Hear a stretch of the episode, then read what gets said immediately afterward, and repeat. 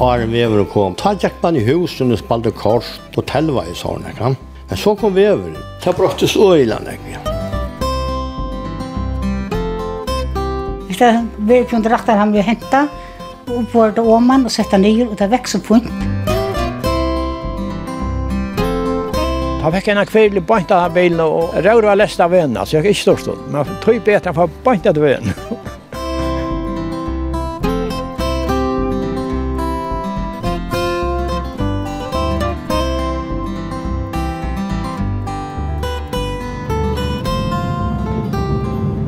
gåan det, og hjertelig velkommen vi av en en tur.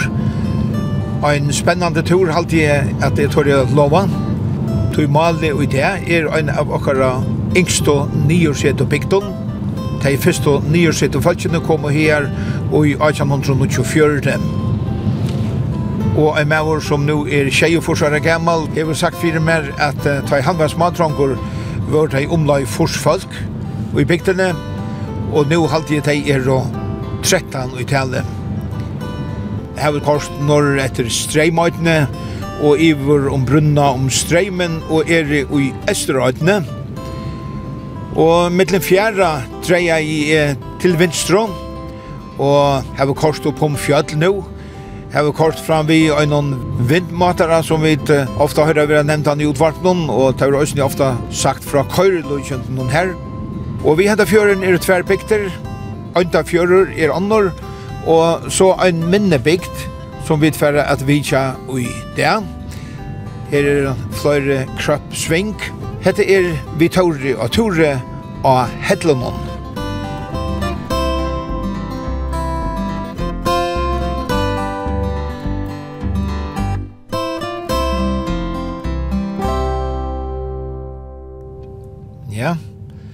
Jeg var til Tullia og Arnon. Vi til å bare komme ut i fyrre parten i februar måned. Så så ikke jeg at anker er ferien er fyrrøyga eplabelt. Hette er Atle Johannesen.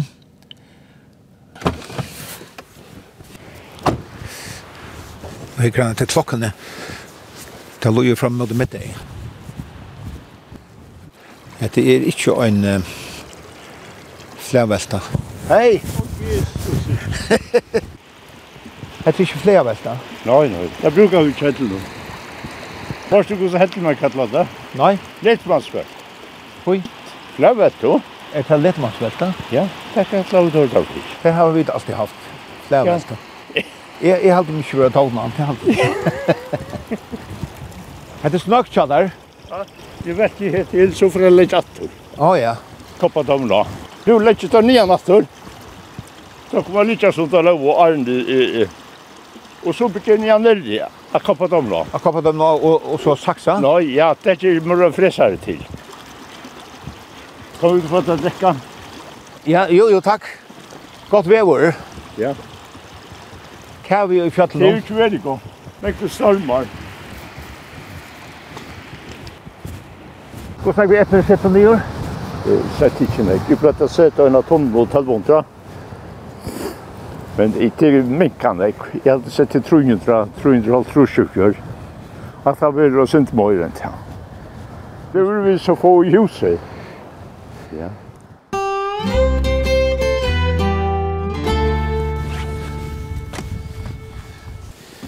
Her bor Eli Jensen, han er 24 år gammel, og han var et nekv om heimbygdene, hettlenar.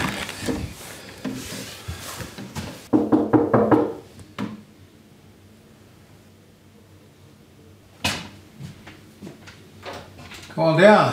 God dag. Eli. Ja, god er. Er du Taurur Mikkelsen? Kring vart nå. Jo, ja. Eli Jensen. Hettlenar er jo nyårsett og bygd, da? Ja, fra 1894. Da kom den første nyårsett og maveren her. Ja, han var, han var oppvaksen lampa. Og, men han kom fra Voklafri til Hettlenar.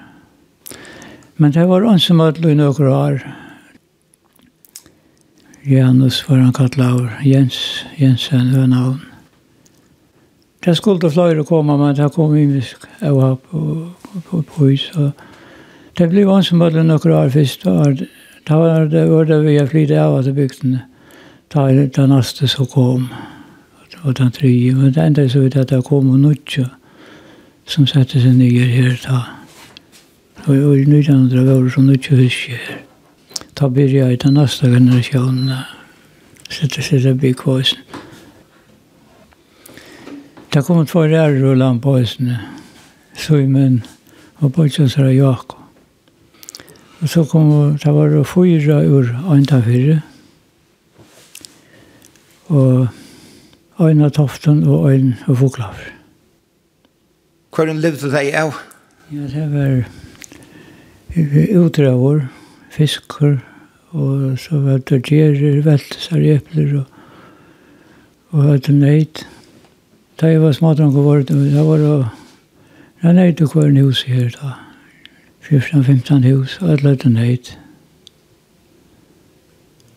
Og så var det skipsmenn. Nekve skipsmenn var her da. Jeg tar jo så høy med vetserbanen her og Og så ble jeg så langt i året. Ja, så levde jeg av tog landbruk og, og fiskar Og Og her er sånn at det stått ut av mine. Ja. Det var vel stilt rekke igjen fra en og fokla foklafyr til Lømes. Det var ikke en heie som hørte til bygden, altså røkta jeg kanskje anker av de fire bønderne? Ja, det var jeg vidt vi. Arend bygden ble Blåbygd hadde der kjørsaren og litt land, sånne kreis og til det. Så det var så lengt fra Foklafjør. Heien hørte til Foklafjør, og så røkte jeg der han heien fra. Men så, så var det så litt smått å gjøre det, så da kom det veren og natt. Og vet du, hva var det kunne bli jo av naturlig. Så det er strevet ikke at man visste om ja, i livet. Men så gjør det hele tiden, det var det fruer. Det var brøyting av tog, og annars var det faktisk som ikke åtte, det var tre aldri ikke bøndrene. Så hadde det mulig at jeg får gjøre her, det var nok tog å sette seg her. Så ble det ikke mer kjølstøver. Men jeg har en hård til fogler, men så ble det en kom og sindre av at jeg høyre til bygden her, at vi hadde det ble for helse ble blanda, det anker for gifte seg til, til åken, og på samme at han kom og synte av, av åkene, alle ikke var bygd ned. Dette var åkene her i. Det var en drinker av veien, alle hører til bygdene nå. Det må være her aløy. Nå ser det fela seg i. Råder så ut vi åkenbaten? Ja, vi har rabatten fyra manna för och sex manna för Och ett åtta manna förr plattade plattade det här var Det var en löta räckva. Det var, jag tar det och åtta manna för Där skulle räckva kosyr en tog i mar, då kom några tjåar. Så rådde det en tog i material till havs. Så det var inte alltid så testbeligt. Mm. Men her var ungen vanlig, ungen stor vanlig var utrøret. Kjalt om det der ångte jeg kunne sitte opp og nådde kjalt et hus. Så først ungen med å være utrøret her. Hva gjør du da så vi fisken? Han ble tidsen opp her og flakter, og så ble det torska da jeg, da jeg var og kom, eller sommer. Det ble fisk og torska, torska, Da var det saltfiskur som det snus i om. Det ble flott fra Foklafyrir her til at arbeid av torska. Det ble nok som det fisk og torska over her. Anker då kom og akkurs kiv og Foklafyrir og landa her, da det kom av Såland. Ångstan da det var godt vever kirsti og kjøpt nu så kom det lekkene med åter og kipa fisken opp. Men det var ikke kaj i alle gav, men Han Annars var det første land. Han kom vel der først i motorbaten fra Foklafyr i Øysen til helten her som saltfisker og først første stedet som klippfisker ut av sommer. Var det gauer omstøver av torska, fisk her? Ja, det var jo en ekvar hettler kossi som det brøyt og fisken og så gjør det der stikker, fiskastikker etter at. Men uh, vi er vel løsning, det var... Halt örsen i nivå då. Ta kom det var en eksa og gott vi og nu var de ikke kila vekk. Nu var alltid vetor og alltid sommar. Så og, det var det med så lojka.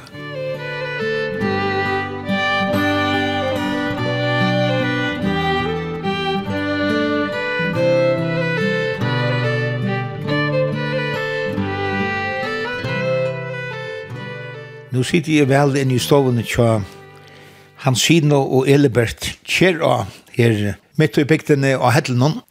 Og Hansino, jeg kan umynda meg at det er nek brøtt her av Hedlenon, så gjerne to varst smakjentene her. Ja, det er øyne nek brøtt. Vi var nek brøtt ta. Og nå er det ikke nett. baden er lang. Så det er stor brøtt. Vi spalte nek ute. Og var på Rattenhammer og her klintra hos vidt så det var godt spill til oss. Einar og bøveren og alt. Ja, så det var nok at det kan vi. Og sommer kom nekkbøten til bygdene, og det var øyelig slått. Det alt kom. Altså, vi var bøten da vi begynte å, å hjelpe til. Fisk og ble lagt på landet, og så Jeg minns godt at jeg kan rådse ur og, og gjøre forskjellige som vi kom til å gjøre. Blant vaskavur og torskavur og alt. Og ta blant vi å hjelpe til om somrene. A bæra fisk og brøtt ut, og så om kveldene så ble det stakka sammen. Og det var vi til å bære børe og legge fisk på her. Det var klippfisk. Det minns det vel. Og så var det stolt av han og røyre og handel var bygdene, så det var ikke så galt. Pappa var ikke handel, ja. Han kjøpte fiske, ja. Så har han folk til at han møtte at han kom. Da bakta kom jeg, så platt vi da vi var ombord, og så platt da for kipskeks og sovfratan. Og det var det vel som baden. Ja, og sånn i togene så har du klart å dreie en anføring i Bromfjøren her. Ja, ja. Men det var ikke problem. Han var sånn borster ta, og jeg var hjemme, og bøtten var, trønnsje var, jeg var tatt i midtelen, så at eh, jeg tror jeg lukket vel det hette noen ta. For husen i mars, og tror vi først. Så ta fikk vi til åker ekne hjemme. Og her har vi trives ved han, begge tvei. Nå får du ut folk i bygdene. Det är inte någon er och inte vatten. Ta manglar näka alltid. Det er akkurat på ett vårsman. flere vörflöjs Jeg har hade för fyra i skolen. Det er døtteren før i skolen. skolan. Fyra andra bötten igjen. Og Elbert, så att her har kommit i Bromfjören her og andre fyrt, Det var ikke det store stiet, det kan? Nej, det kan man nesten gänka. Du sørste i Bromfjören. Ja, det brøttes meg, Forfølgelig brøttes meg da veveren kom. Jeg kan minnes til at Arne Veveren kom at, at ta gikk man i husen og spalte kort og, og, og telva i sånne, kan. Men så kom Veveren, så, så kom bilene og så, så ble jeg ferdig ut av Skvalafjøren. Til dans, vi kvarst og så. Det begravde var røysene. Fokla fra hvor man åkte til. Røysene. Ja, det brottes øyla nek, ja. Så det var nek mer lov i bygden Arne Weberen kom? Ja, ja, ja, ja. Ta vær alt i bygden. Det får øyla nek da, ja. Det er døylig som inne det er pura sik. Det er sakna man ikke lukka, va. Slutt la oppleva det gamla der da. Var det en, en, en annan hone ta i folk kom saman mor? Ja, det var halvt bak vår som mata. Ja. Og bygden, det var nesten som et hus her alt. Ja arvever kom, kan man godt si. Man minnes godt av gamle mennene, tar stå at rundt og vekk kunne tåse. Man bare det færre tiltar, og lort dette dem, som smadronker. Det var egentlig honallig, Da fortalte om, bare etter og hatter. Kjenker folk nek inntil hver annan, ta? Ja, ja. Baldur kort og Telva og sånne, kan. Hun vet det, ja. Det er at hun vet, ja. Så du har Badna Arne seg iver her, iver hettlenar, og, og nå er det som man sier over, nå sier du iver enda fyr. Ja, ja. Ja, ja, vi var også hettlenar som smadransk. Gink, det ble, alt, det ble bare gink. Nu er det øvet vi, nu ser man høy, høy blanda fra, ja.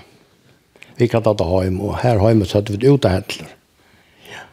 Det er tru døtteren bor i Foklafjør, og bare dronjen bygg var Arjun oppi Hamrun. Ja. Så vi færa snakka mittlen. Bøttene, jeg tror ikke at det er til løgn, bøttene kjent, og så er vi klare.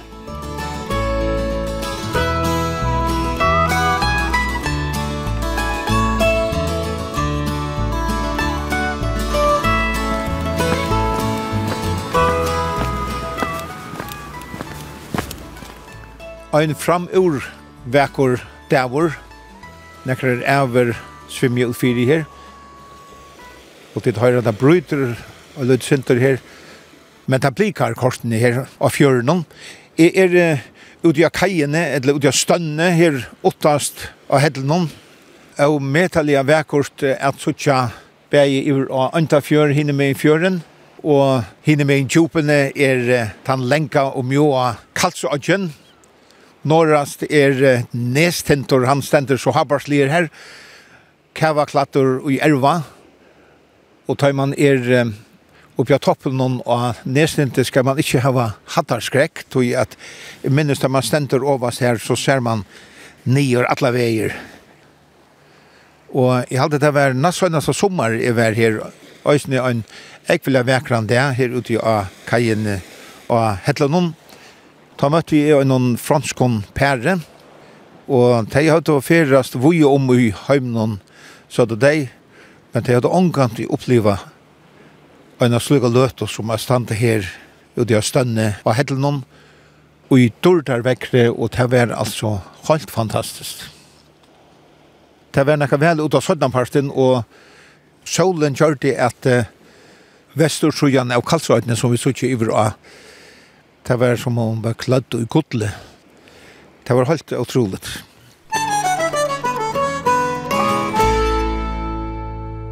Eli Jensen. Ta inn tøyene var det sinter av åraskiftet om navnet. Om det var Hedlor, eller Hedlornar. Hva er det rette navnet for bygdene? Ja, det vet jeg. Folk som er bo her, er ikke som kallar bygdene Hedlor. Jeg vil nevne bygdene Hedlornar. Så la vi ble det løyde etter gamle skriften og gamle kjølen, det var de skrivet danskene. Men jeg var ikke sant at jeg sa at jeg var hellerne. Det kunde komma fyra i onkel skrift onkelskrift. Onkel kunde finna också. Det stod bara heller. Men för det mesta visste det sig som att bygden vi har kallat hellorna. Det som vi kälter kom upp så, som visste hellor. Så det omtog det när man låg ut. Jag såg Men det blev så bröjt aftur. Vart helst tror jag få det bröjt aftur? Ja, det var ikke frukt. Det var en syndra strøy. Hvor skulle det brottlige være hettler? Det var da kom på, det ble bare brottlige hettler. Men hvor kom vi til brottlige, det, det har vi ikke funnet av. For noen år siden ble kjeltene brott atter, nå stendte det hettler nærmere. Ja, det var, det var, hva sier vil du alle her som bo, og her var det navn i hettler nærre. Ja, det var, det var, det var, det var, det var, det var, det var, det var, det var, det var, det var, det var, det var, det det det det det det det det det som huvudsnöv för jag får namnet bröjt. Räddna är tjona för jag får det bröjt alltså till ett lörnar. Ja, ja, det gör det. Det gör det ödligare också. Vi sant också om det så, så är hettlorna der rattar att vi där är sådana kvar. Så men det så så sälja fram i sjöunan från tvärs vid backarna. Backarna. Det var et forsk av fisken, så sa han her som hatt løver og fyrir tøyene. Sindte fra bygden i øysene, inne, inne båtnen av veien. Der så ikke snakk var stedet, han fyrir løyte etter hettelen, så var det gav å finne. Så det er nekve brøyt og tøynare tog av hettelen henne? Ja. Nu var det ikke folk etter. Sannes av vel var det bare 13 av veleste. Og innenfor vi halvfjersen var det fra utvarsen, og nå kan jeg, eller jeg snakka jo om bygden der her, ta, ta var det ut 45 folk i bygden. Det var akkurat på etter tryengar. Det var 15 arbeidsforfolk som alle var i arbeid. Og så var det 15 pensjonister, og så var det den tredje flokkeren, og så 15 småbøtten og, og sko i skolealdre og under skolealdre. Det er veldig at uh, til fjersen alltid. Så jeg er det spekkelige minka alle togene. Hvordan spør det til at det er minka alle togene, Sjøne? Ja, det er veldig naturlig fra fragående. Bøtten som er vaksen opp her, det er så bosettast og er vaksen, og er til ærestand. Det her er en kjærpøy fast og har inte så mycket åt åkna. Så det vill processeras den för. Och det kom det till fettla från själva. Det är ju själva var på att kan man det vara om löjan i forsfalkar i bygden. Det är mest där. Så det är så bra ting, men det är allt sant. Det är inte bara tjocken.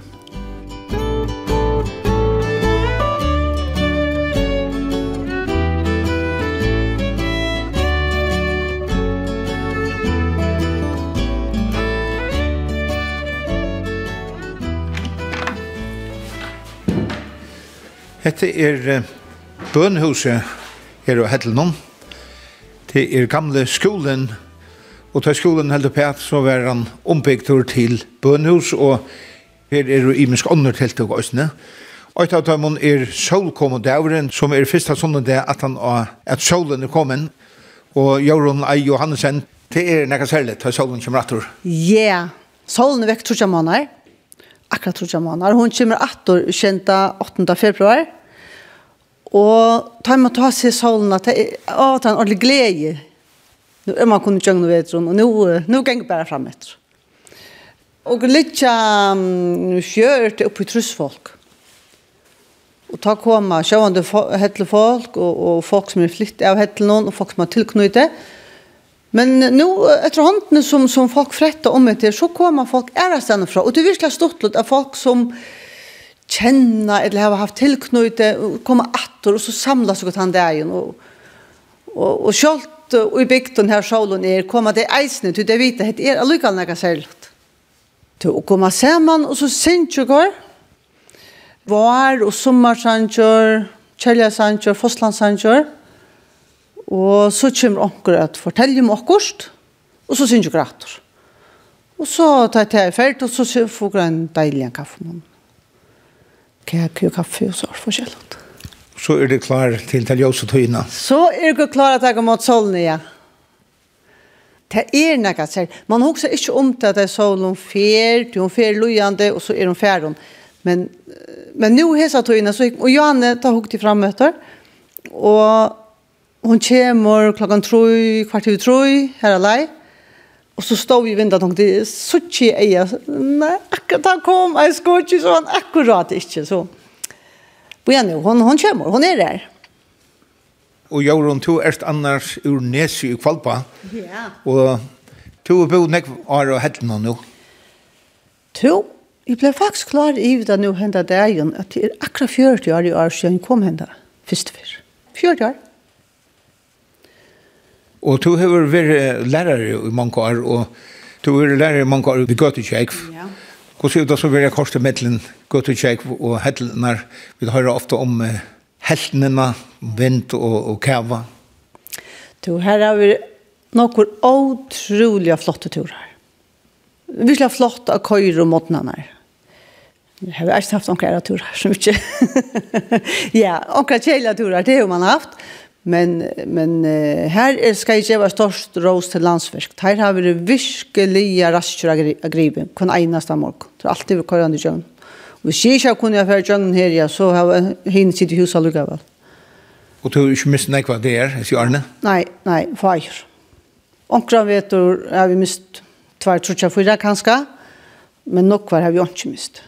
Da man sitter ikke nere en, en sånn sted som er, så vet man, du bor i et landskap bil. Ja Og har du bil så kører du. Til alt.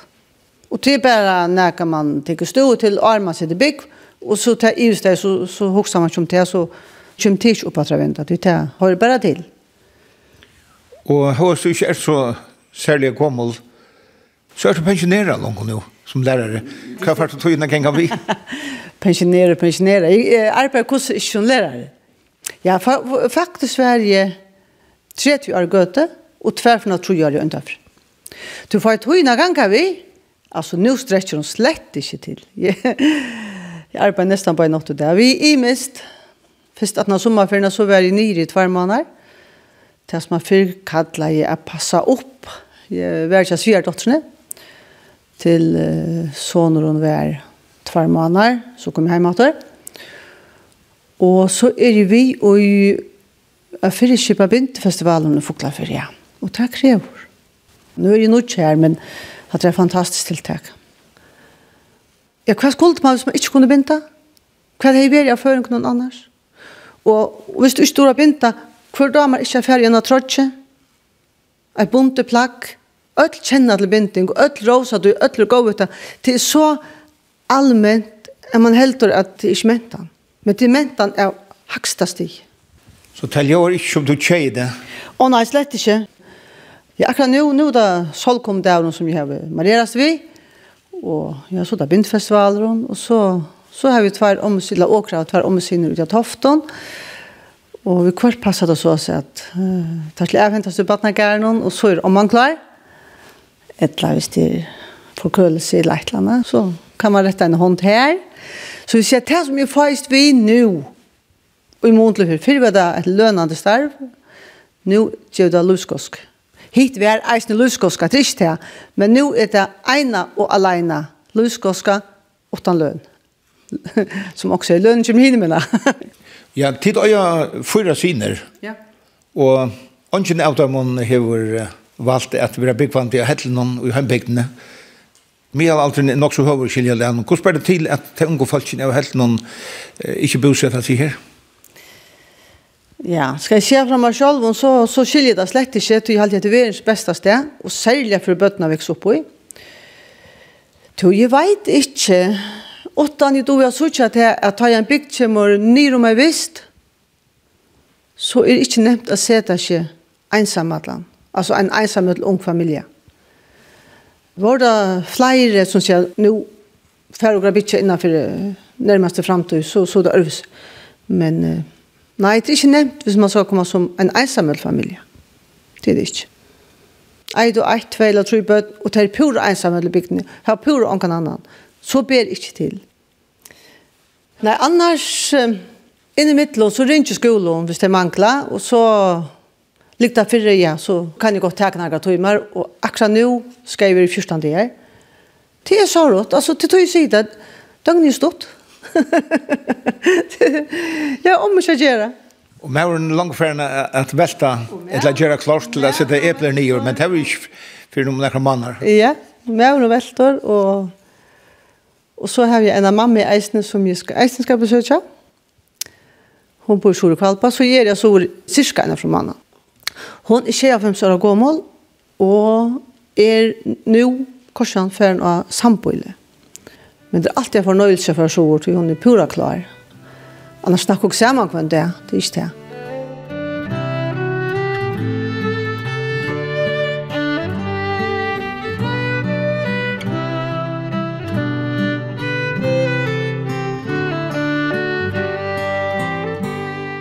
Eli Jensen, kjenta februar, så tja det solen natter, og tar vi en reporter i trutja manar. Er det en uh, særlig dagur? Ja. Vi så ikke han kjente her til åkken. Men det gamle var at der, hun sa hun sa åttende. Men det er det gamle bygden, til første husen. Da hun kommer av her 8. februar, ja. Da var vi bort akkurat trutja måneder. Så til nekka særlig tar du sutja natur? Ja, vi har ikke nok gjort nok på sjøen til fyr, men nå, nå er det feira. Så kommer kaffe, det kan man kalla det. Hvordan er solargenkren så at jeg kan uh, ha sommer til dømes? Nei, han er ikke gav vår i fjallen gjør så høy her sånn av det. Han kommer sant av, men hvis det er uh, terri ut av kvalitet, ta av den alle andre. Det er særlig hodging vil ha det mest til det. Vi kunne ikke begynne hodgjeng for noe ut ved middag og hva var høyt her det er. Så det er så hinner man i fjøren, jeg kunne begynne å rannsje i Men så hørte vi den 84 flere timer om kvöld. Ta skog, ta skog i hinn, men... Og i andre fire? Ja. Det ble kattla andre fire som kjemt. Nå var det, nu, nu var det hettelig her.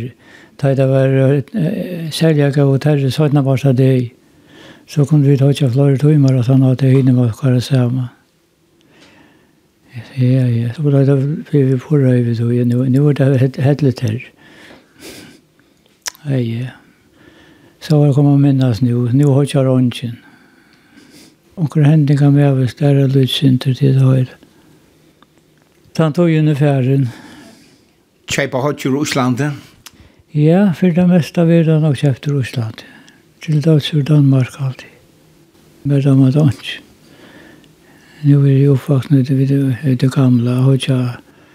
Jeg har ikke alt selv som man ska bruka så brøytes alt. Så må vi bare finne noe ut.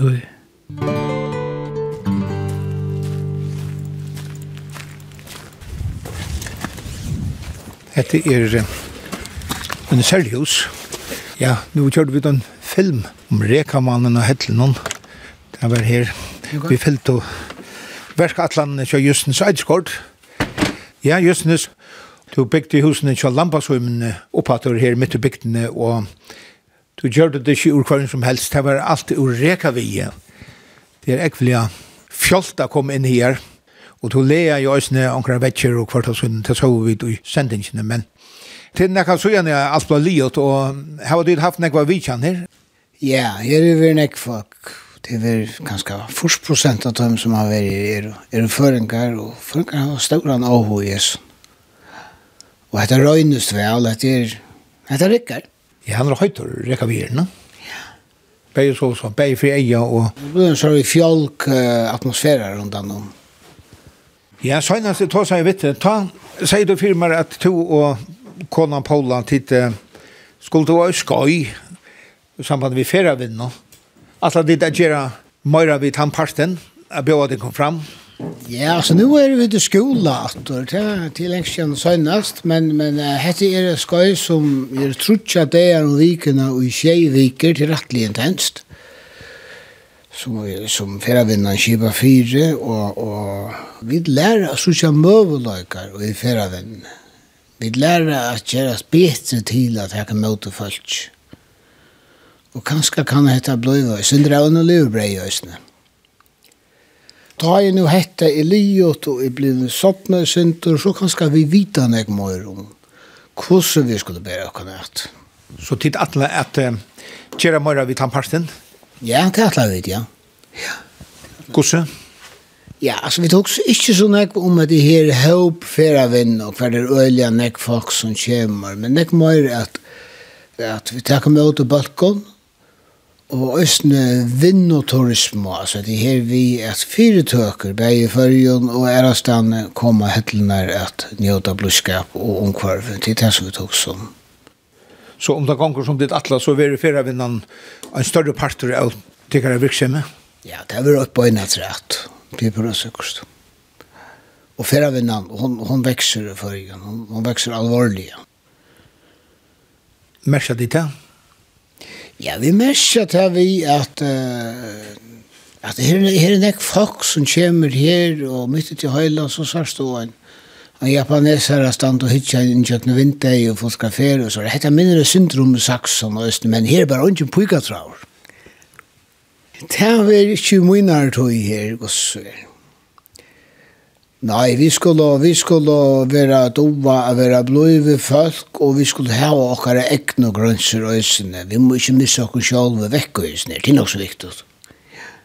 Så kan blei nok så ytla vi alltid. det. Jeg minnes nå en dag, altså omkut du så, så handla du utan at hugsa om det, altså det er rent instruktivt, at det er en sikte som kommer. Og nå en dag, så skriver jeg over båret, nå så ikke jeg bort inn i anlitid av øynene, utlendisk. Til lukka mykje man er og asjendla hver han er. Jeg ble så klokker at jeg galva i bort opp i ansvaret til henne. Og det var av klakka, det var ikke det at jeg ville jo nytla. Vi vil gjerne hava, hava føringar, det er ordentlig og litt. det var bindeklubbar, feralø, føringar det er, og, og folk som smattlokkost, kom hit, vi var alle mølakar her. Og så kjører det mæt oss snir? Så kjører vi mæt, og her er gode, gode målager ikke enka turer nær om hver noen tid er blivet oppstia, ordentlig, at er vel oppmest, og så, så her, her er godt å være. Att i år så koma utlänningar till följar att halda följa vid lycka. I fjör stå E4 arbeid noen i lojene med den Eltevøk og Øndafjør. Og nå begynner vi etter her fra Hettelen og nækka nyan og i brekken her til Foklafjører, nyan Kliv som da etter. Og her kommer noe folk i, i marsmana, midt i marsmana. Og at det kommer at byggva her i Hettelen så vel som vi klarer det, og etter her, og så kommer det arbeid her oppi, og øker med oss standa fyrir tog i Verskatland. Det er gleder meg til, det er ho alt arbeid. Og hva er det til? det er nok så stort litt jo akkurat nå til at Gøtan, den første 400 meterne er halda vidt, nian fra hedlen til steinsett Gøtan. Og jeg har så brukt nok så fyrt at hun i kjøkken der søgnest og tvær vetraner at greva nekka ut i fremmøtere. Så atlanen er å få flæge om man er gøttene og få at det gamle stønnsettingene fremmøtere. Det er nok spennende. Det er som tever som man pakker i jolagavren. Så vi får bøte på at her, og gjør at atter som det sa jeg av nye sette mennene av heddelen og løttes av steinene, for ikke han jo ikke at han. Hundra trus og fjersvaren så igjen. Altså, det var daglig gang, der hadde torv i piver her til oss, og, og, og til, til jeg så i så følgen, at det er hver det er kjele gang, bare til at det regner, hvis det er øyla vått enn det, så kan det bli holdt. Og så tog kjørte der så er trappen der nian av rattarhammer, for at det skulle være bedre krenka. Mm. Så nu alla vi å få alla til en ståndsättning som är av en Henne skulle vi ha framåt i ljus. Og just nu, nå som det er en solkom og dævor, merkes det vel ta i solen ser at det denne etter at hun har vært borster og i trutja mannar? Ja, det merkes det. Altså, jeg vet, jeg halte det her mest inni mellom øyrene. Det er til nekka vi i sinne jeg gjør. Altså, Jeg ble vi alltid lydig syntur i mål langt av Johansøk. Du tar var ikke til oss at, at nå fra degene er stittas. Da. Men fra til sjølen fer, fer under her av hettelen og ta omkring 19. november, det er det er her. Og så fram til nå, til en øyelig mysktøy. Og hvis du legger mest til det, hvis du hever, hever egen i åpen, så sørst du at føringar, og faktisk alle norrlendingar er og synder hotunger og vetren. Det er en sånn liten depresjon i det hele. Og det er utrolig som tar djeve nek, hvor vi bare tar at solen skoiner, og i fem minutter er det helt noen. Altså, det gjør det at, at du får nødt på å ta hele atter, du får orske atter, og nå ligger den jøsa tøyen fyrir framman. for meg er det veldig antydning.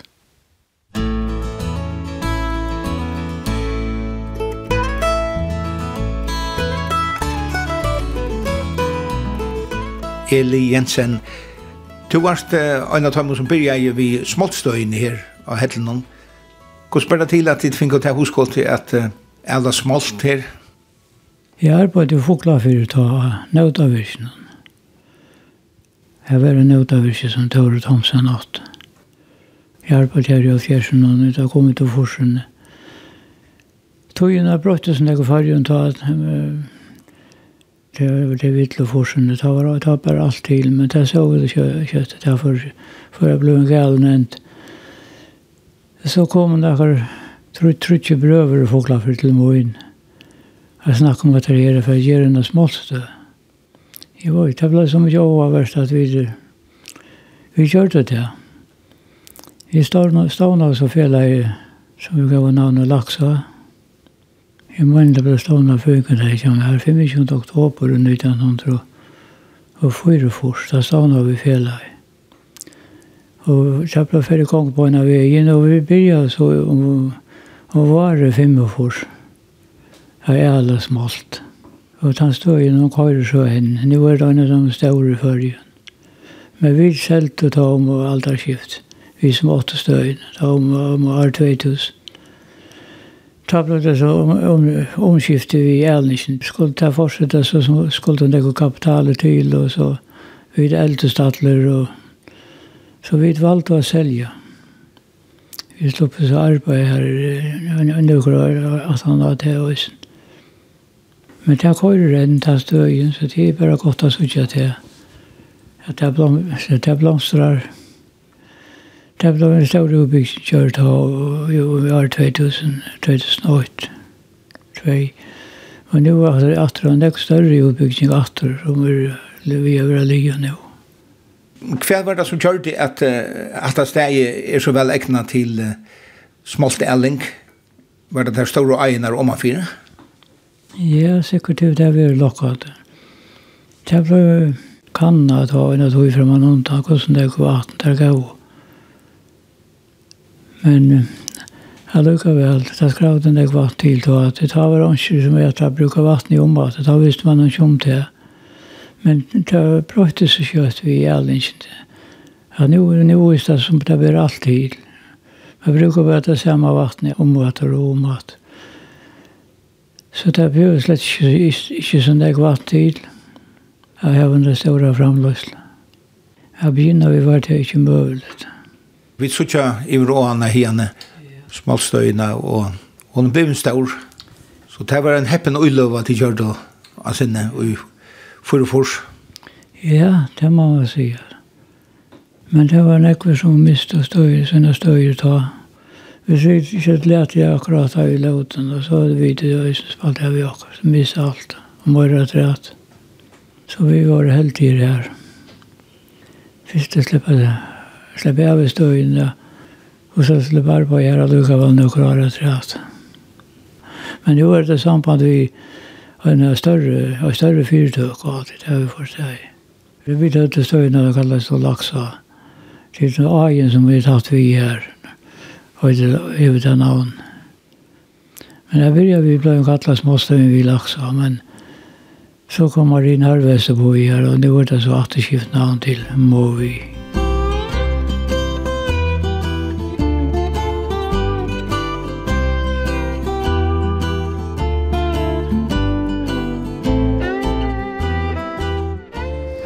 retthuset, hette jeg kom.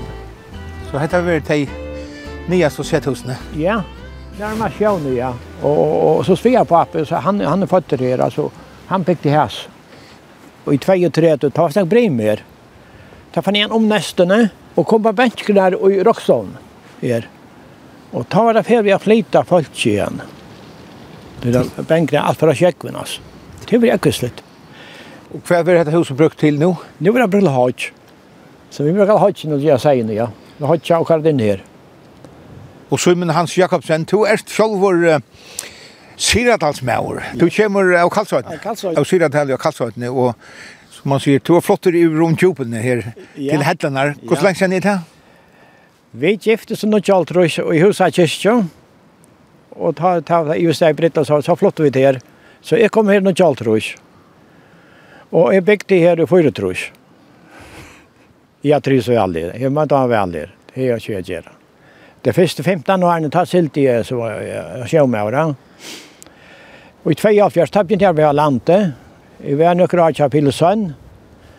Och tar gast där, tar fötta skallar på. Jag här var jag 28 år. Och kivas mina? Ja. 28 år. Det var fjärde år gammal. ja. Jag är väldigt arbetslös. Och inte vill jag. Vi var 345 mans då det mesta.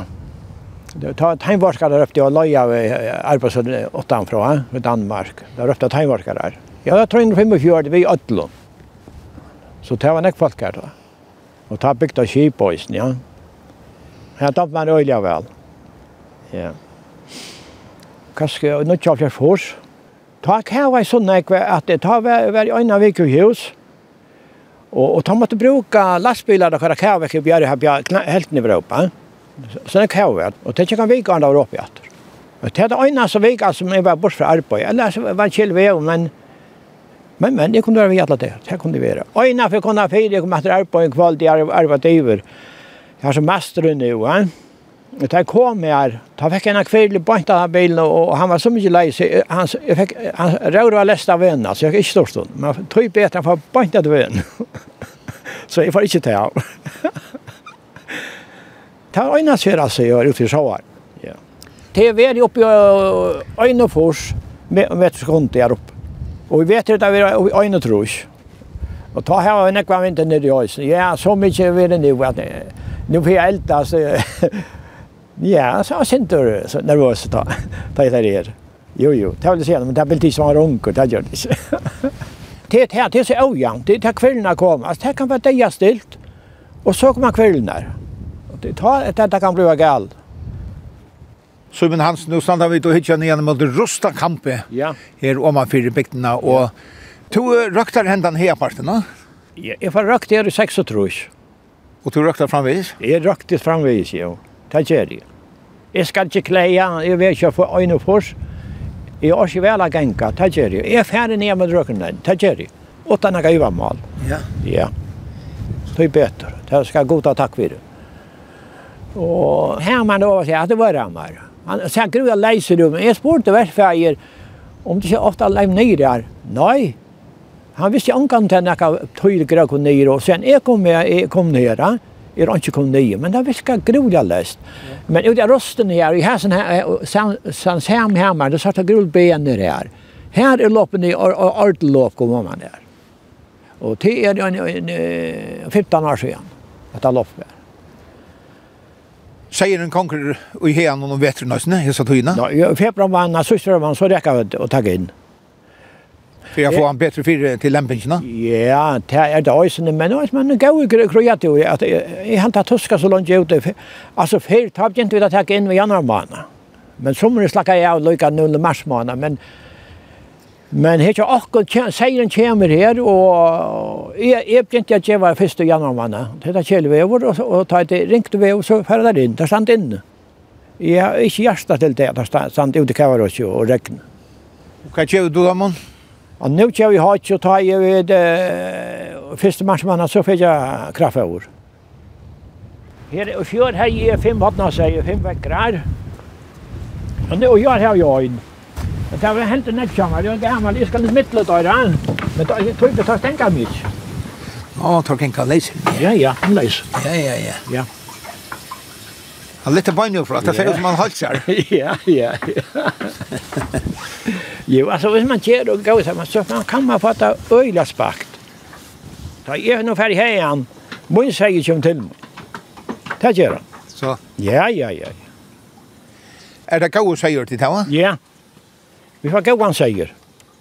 Ja, sonen jag med här fick åtta lamp. Han är i tjejer trött på en pastiche.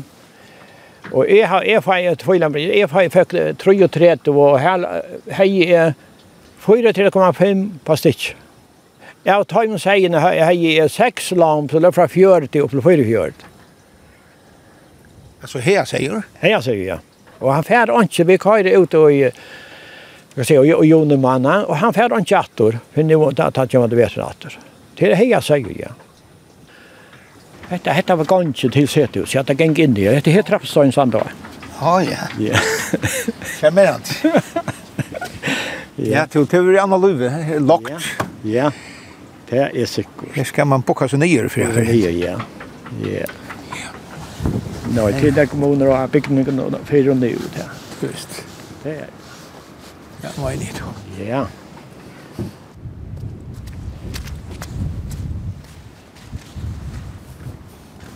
Det vill jag fått. Jag nog bara inte skulle vilja komma en dag, men han blir ju oavmynt jag var. Så men hans tid här var en fittan orsakar nere fri husen så det kunde så tjå han bygde då en hella hetta må vara en husen her mango hella og i bygden Ja ja hetta ta reina hella og sjá ein Nok så særlig gjør det, ja. Ja, særlig, ja. Ja, ja.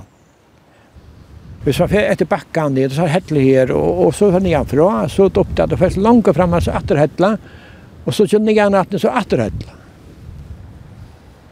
Ja, så er det gjør, det synes ikke alt sammen lente, det vil jeg si.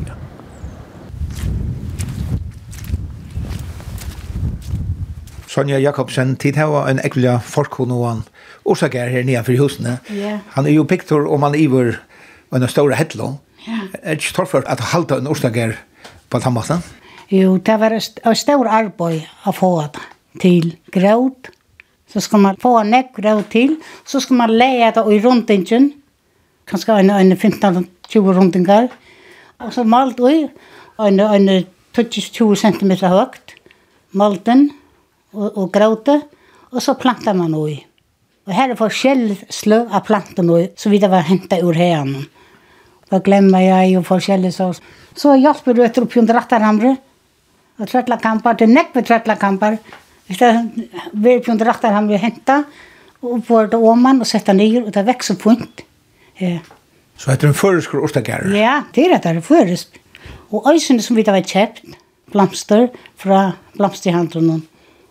Det er sommerdager og forskjellige. Det er mye sløye.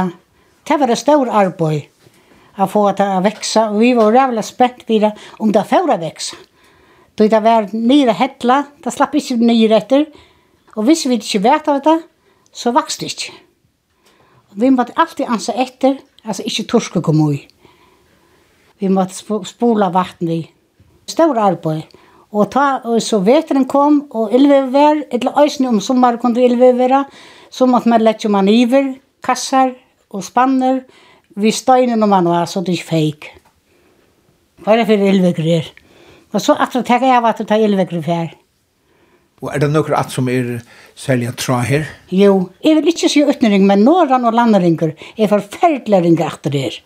Det er vinter her, og sjøer og så kommer opp her. Det er alle bygdene. Og så har vi gjort forskjellig. Vi har stoppet en sånn kant her. Vi blomster av hjørnene av husene her. Her er forskjellig blanda vi slø av blomstrum. Her nere blanda vi da i størst tre. Og det vekser, men det er lykka vi er færa til høyaten for vitt, og nå er det så gammalt også. Men Orsakeren, han er... Ja, Jan Pindrum som er det, og vi tar var drømper. Det setter vi nye her nere, og setter vi og kanten her oppe, og det vekser øysen vel. Det blir pene, øyla pene som er det. Og så utanfor har vi vekst øysen sett nye her. Her var det ordentlig bøver, ja. Her stoppte vi den gær og sette forskjellige nye, kvitt blomster og, trett, og hjelperøter. Det ble øyla større enn sommer. Og folk legger merke til gær? Ja, ja, jeg legger merke til. Nekt folk kommer her og tar bøylet av havan. Ja. Og alle har hukt og bevinda ég og, og nikka og spenta ég, ja. og til hålet? Ja, til hålet, ja, ja, det er det. Men det er stor arbeid. Så man kan si at det var en uh, en hava om man iver uh, om man iver navnet faktisk. Ja, ja, ja, ja, ja, ja, det har vi gjort. Og så, det her er vært alt det stor arbeid, og det var ikke. Og forfra kommuna, har vi vært i rivere, nu i flere år, og første året fikk vi første premie, for jeg har så pene være. så det var ikke gale.